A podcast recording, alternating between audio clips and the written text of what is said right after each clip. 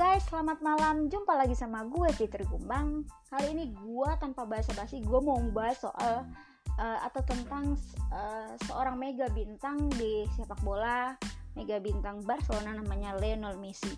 Kenapa tiba-tiba gue mau ngebahas Lionel Messi? Karena hari ini ketika gue buka media sosial Facebook dan Instagram, gue ngeliat postingan tentang Messi yang uh, memperlihatkan rasa frustasinya Messi terhadap eh, informasi-informasi uh, yang beredar di media uh, selama ini. Nah, sebelum masuk ke uh, pembahasannya, gue mau ngajak kalian semua buat ngebahas uh, apa Messi, komentar Messi saat dia uh, tiba di Barcelona uh, sepulangnya membela timnas Argentina di kualifikasi Piala Dunia 2022. Oke, langsung aja. Gue dihimpun dari berbagai sumber. Uh, Bers, eh maaf, Lionel Messi tiba di Bandar Udara Barcelona El Prat uh, uh, dengan kondisi atau dengan mood yang sedang tidak baik. Dia mengaku lelah karena disalahkan atas masalah yang terjadi di Barcelona jadi ini sebenarnya bukan hal yang baru lagi kalau sebenarnya gonjang ganjing di uh, internal Barcelona ini menyebutkan bahwa Messi yang terlalu super power yang membuatkan uh, ruang ganti menjadi tidak harmonis. Tapi ini rumor yang beredar di media ya. Jadi saya hanya mengutip uh, uh, apa? Mengutip informasi yang beredar di media tidak uh, tidak bukan bermaksud untuk tahu tapi memang ini yang uh, saya apa ini yang saya ini yang gue dapetin dari uh, media ataupun uh, dari beberapa sumber baik di dalam maupun di luar.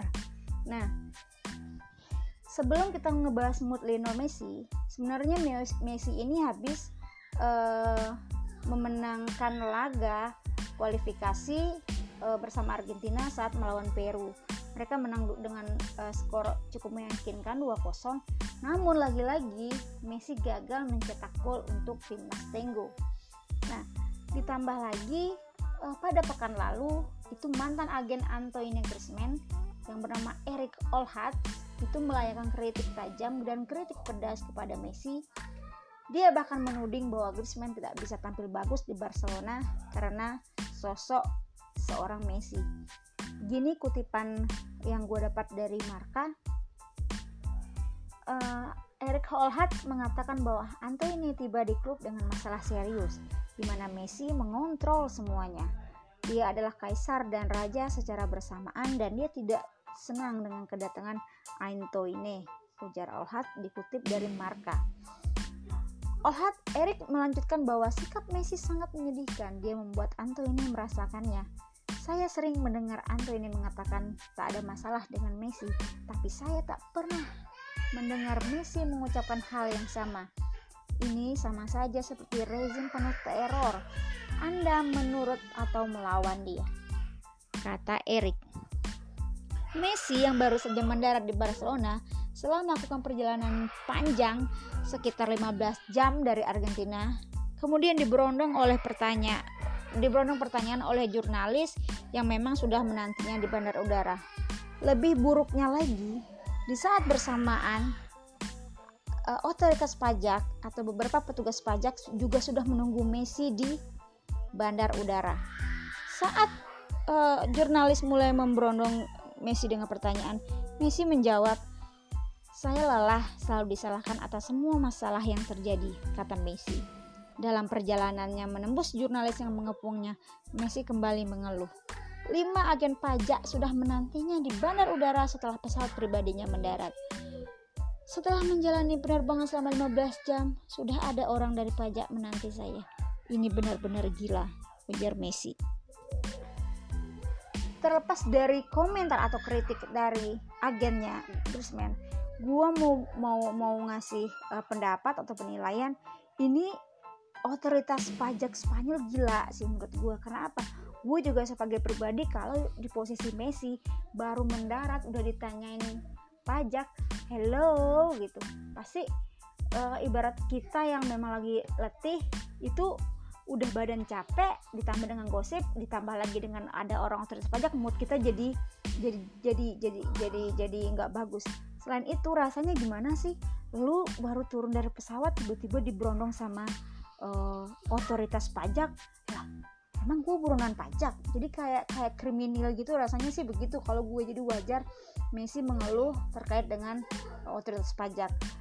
Anehnya apakah nggak bisa nunggu besok? Setelah Messi istirahat dulu pulang dulu nanti baru di, dikasih surat atau seperti apa? Daripada harus menunggu dia di uh, bandar udara. Rasanya bener-bener nggak etis sih. Itu kalau menurut gue nah oke okay, kembali lagi sebelum gue mau ngebahas soal uh, uh, ungkapan Messi ini gue mau ngajakin lu semua buat balik ke masa lalu Messi. Gue mau kita bahas uh, sejarah dia bersama Barcelona itu seperti apa. Nah jadi pertama gue mau ngajakin buat ngebahas uh, sisi pribadi Leo Messi.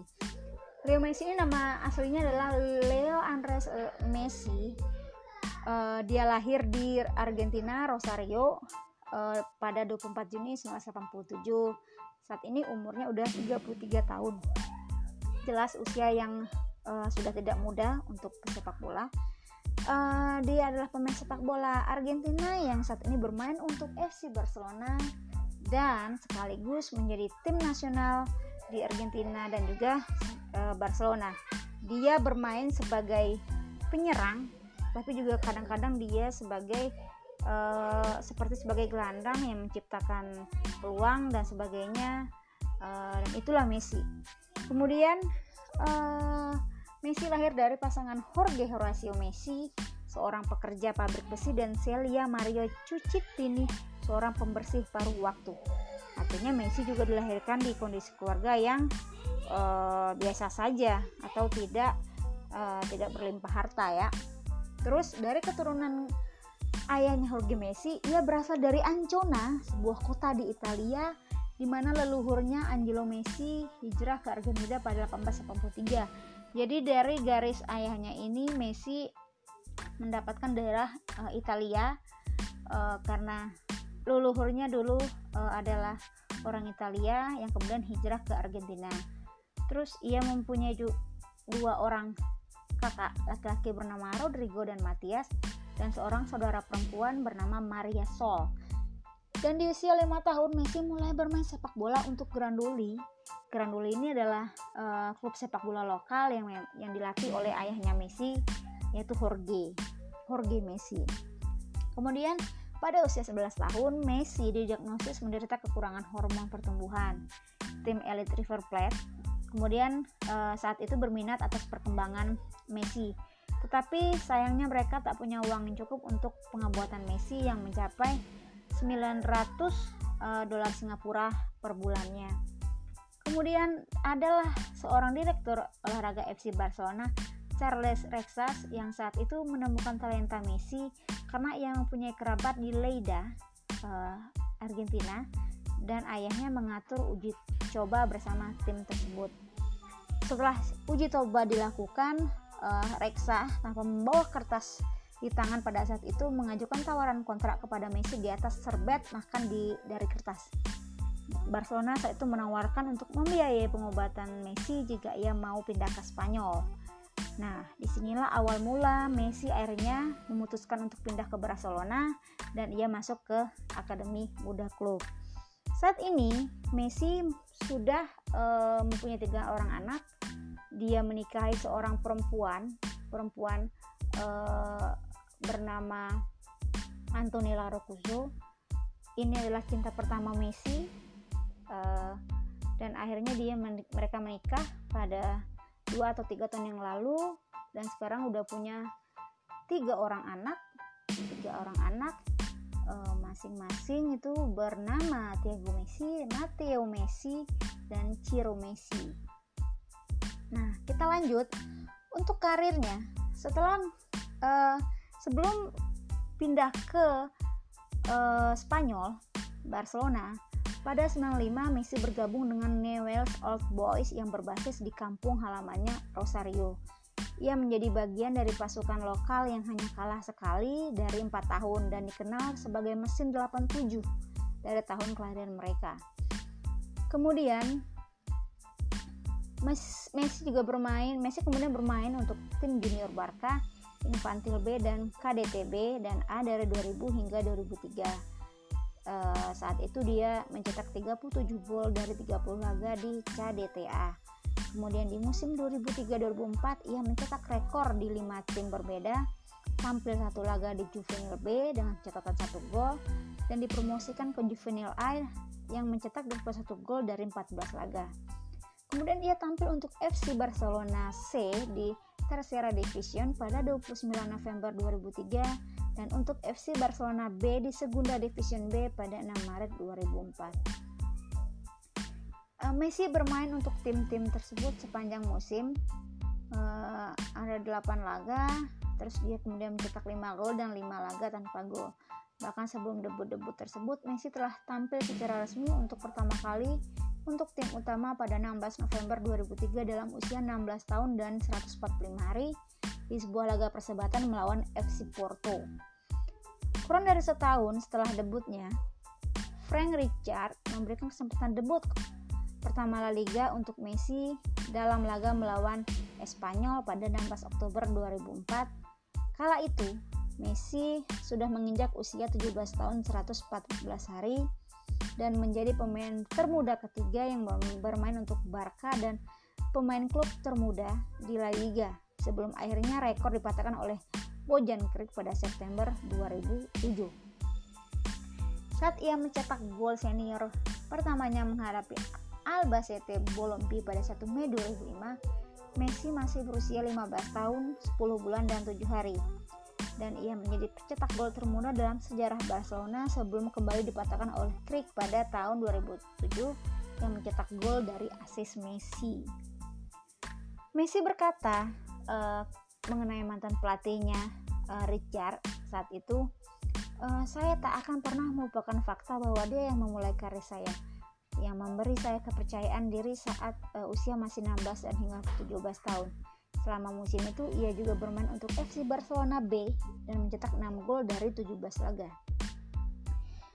Kemudian saat uh, Messi uh, masuk ke tim utama Barcelona di musim pertamanya, Messi uh, terus mengatakan Barca menjuarai La Liga dan musim berikutnya meraih gelar ganda yaitu La Liga dan Liga Champions. Pada musim 2006-2007, Messi mencetak hat-trick ke gawang Real Madrid pada pertandingan El Clasico dan mencetak 4 gol dalam 26 pertandingan. Di tim nasional Argentina sendiri, Messi uh, belum memiliki trofi di level di level senior, sementara di level junior dia sudah uh, mempersembahkan gelar juara Piala Dunia Junior 2005 dan pada 2008 menjuarai Olimpiade di Beijing bersama tim Tango Messi melakoni debutnya pada 17 Agustus 2005 saat berusia 18 tahun 54 hari.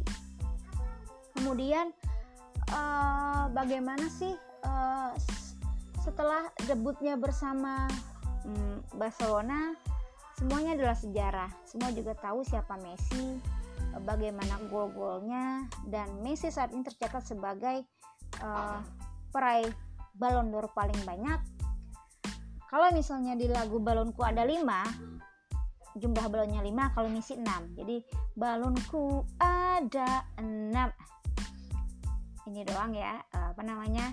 Uh, uh, relax relax ya nah jadi Messi itu dapat 6 6 uh, balon d'Or dan yang menjadi pesaingnya adalah uh, mantan pemain Real Madrid yaitu Cristiano Ronaldo yang saat ini sudah uh, meraih 5 Ballon d'Or uh, sepanjang karirnya.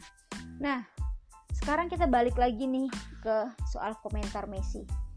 Jadi, kalau menurut gue, menurut gue secara pribadi, Messi adalah salah satu uh, pemain jebolan La Masia yang saat ini tersisa di Barcelona. Ada sebenarnya ada jerat selain Messi ada jerat Pique ada Busquets juga sebenarnya. Tapi menurut gue setiap setiap orang itu punya era setiap orang itu punya punya zamannya sendiri. Uh, saat itu Barcelona saat masih ada uh, Xavi Iniesta uh, terus uh, masih ada Dani Alves terus masih banyak pemain bagus pemain pilar uh, termasuk Luis Suarez itu menunjukkan uh, menjadi tim yang cukup menakutkan di Eropa dan sekaligus menjadi tim uh, yang uh, bisa menakutkan Real Madrid uh, di laga El Clasico. Jadi mereka ini cukup superior di masa-masa kemasannya. Uh, di gue nyebutnya sih di era Messi gitu ya. Nah, cuma persoalan uh, Messi ini, persoalan Messi ini timbul ketika uh, salah satu pilar terbaik Messi atau tandemnya itu Safi itu uh, keluar atau memutuskan untuk tidak memperpanjang kontraknya bersama Barcelona. Dia hijrah ke tim Qatar. Saat ini uh, Safi berstatus sebagai pemain eh pelatih dari Al Sadd. Uh, kemudian tapi saat itu Messi masih ditemani oleh Iniesta. Jadi meskipun satu hilang uh, ada Iniesta tapi sayangnya situasi itu juga uh, sedikit uh, timpang atau uh, apa sih timpang artinya tidak tidak stabil uh, untuk Barca sendiri gitu.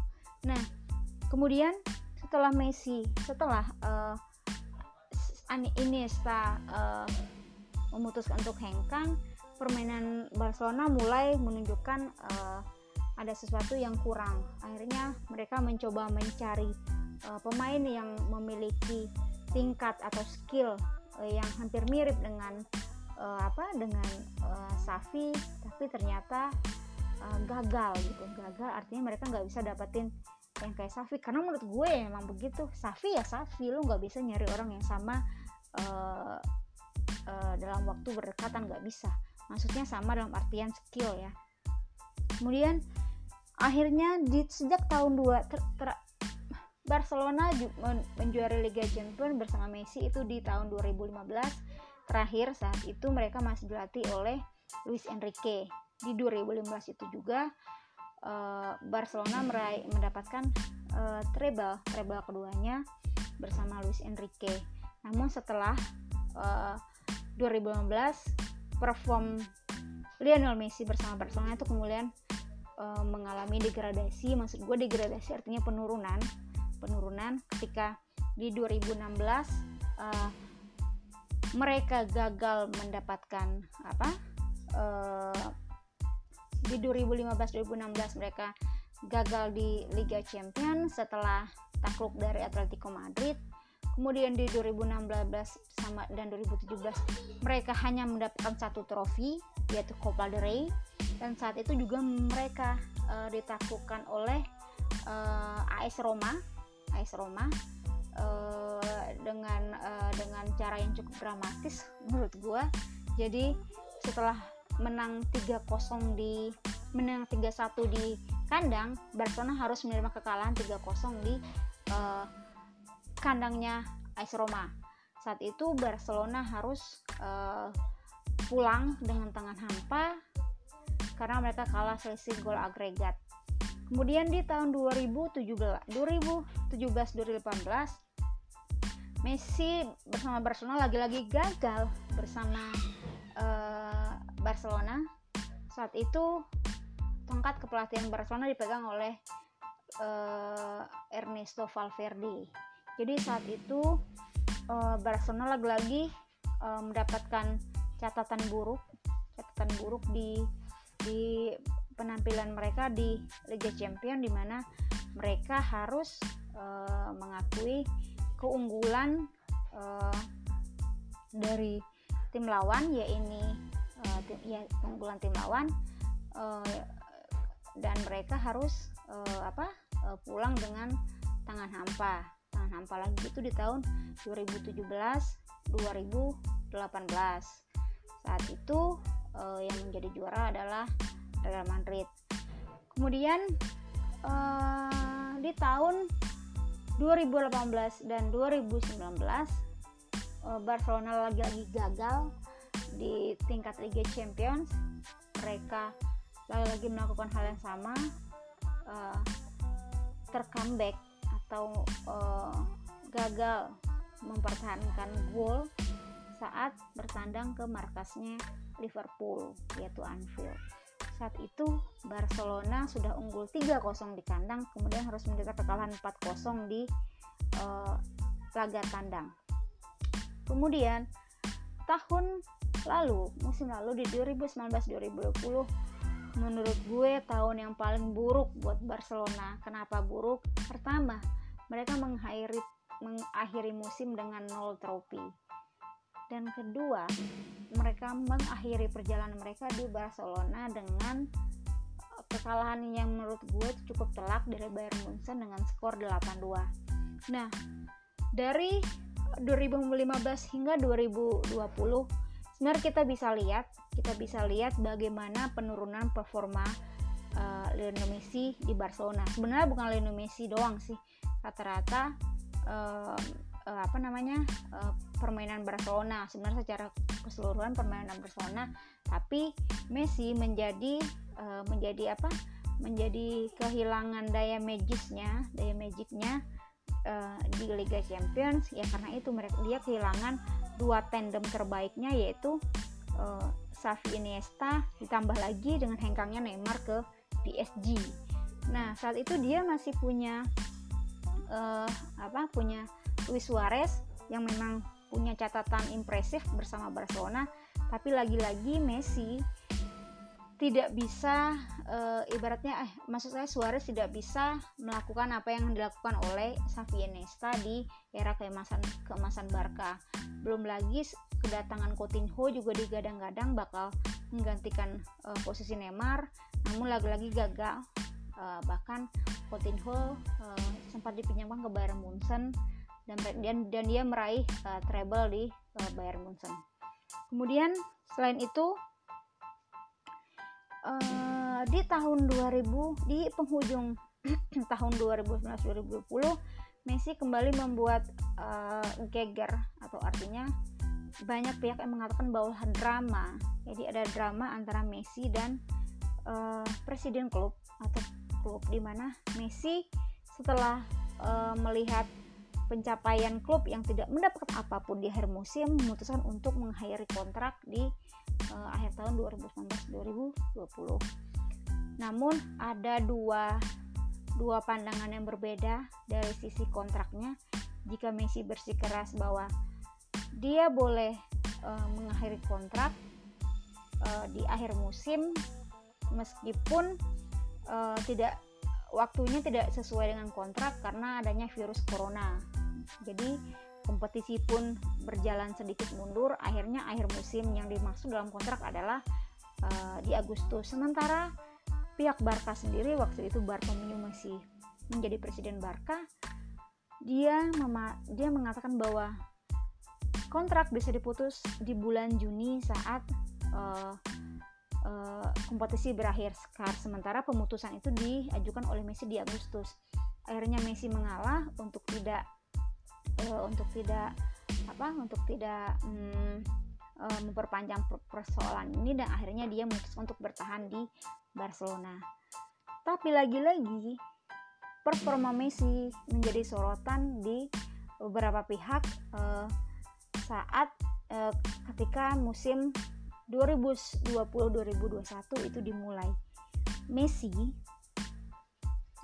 di La Liga itu sudah memainkan 7 laga dari tujuh laga dia mencetak 6 gol dan 5 gol di antaranya adalah penalti uniknya penalti itu dicetak 5 kali berturut-turut 5 kali berturut-turut uh, dan uh, apa namanya dan itu menjadi rekor baru karena memang itu belum pernah dilakukan oleh pesepak bola mana pun dan itu membuat Messi kembali menjadi bahan pembicaraan media tak hanya di uh, apa di uh, tim di Argentina pun Messi juga uh, hanya bisa mencetak gol dari titik putih dalam beberapa pertandingan terakhir.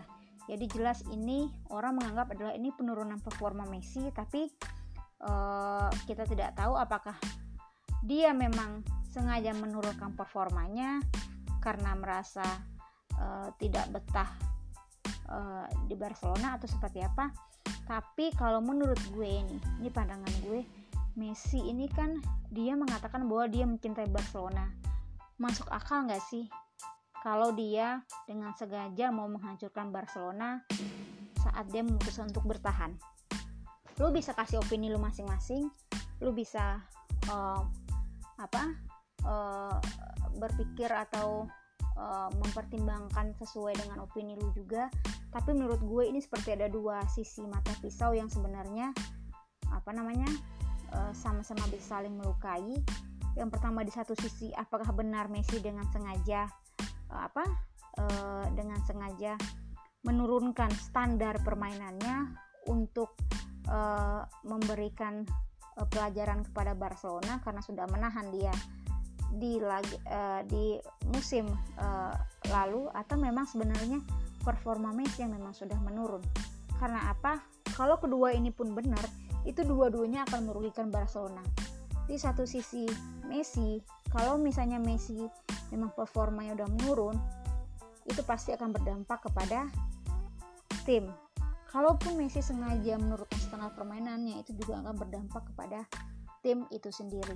Jadi sekarang kalau misalnya gue ngelihat dia ngomong lelah dengan segala isu memang mungkin uh, apa namanya mungkin benar mungkin itu ada benarnya memang dia lelah lelah dengan segala isu yang menempa yang menerpa dia uh, sejak dua musim belakang ini yang menyebut dia sebagai pihak yang bertanggung jawab atas uh, ininya Barcelona atas uh, mundurnya Barcelona.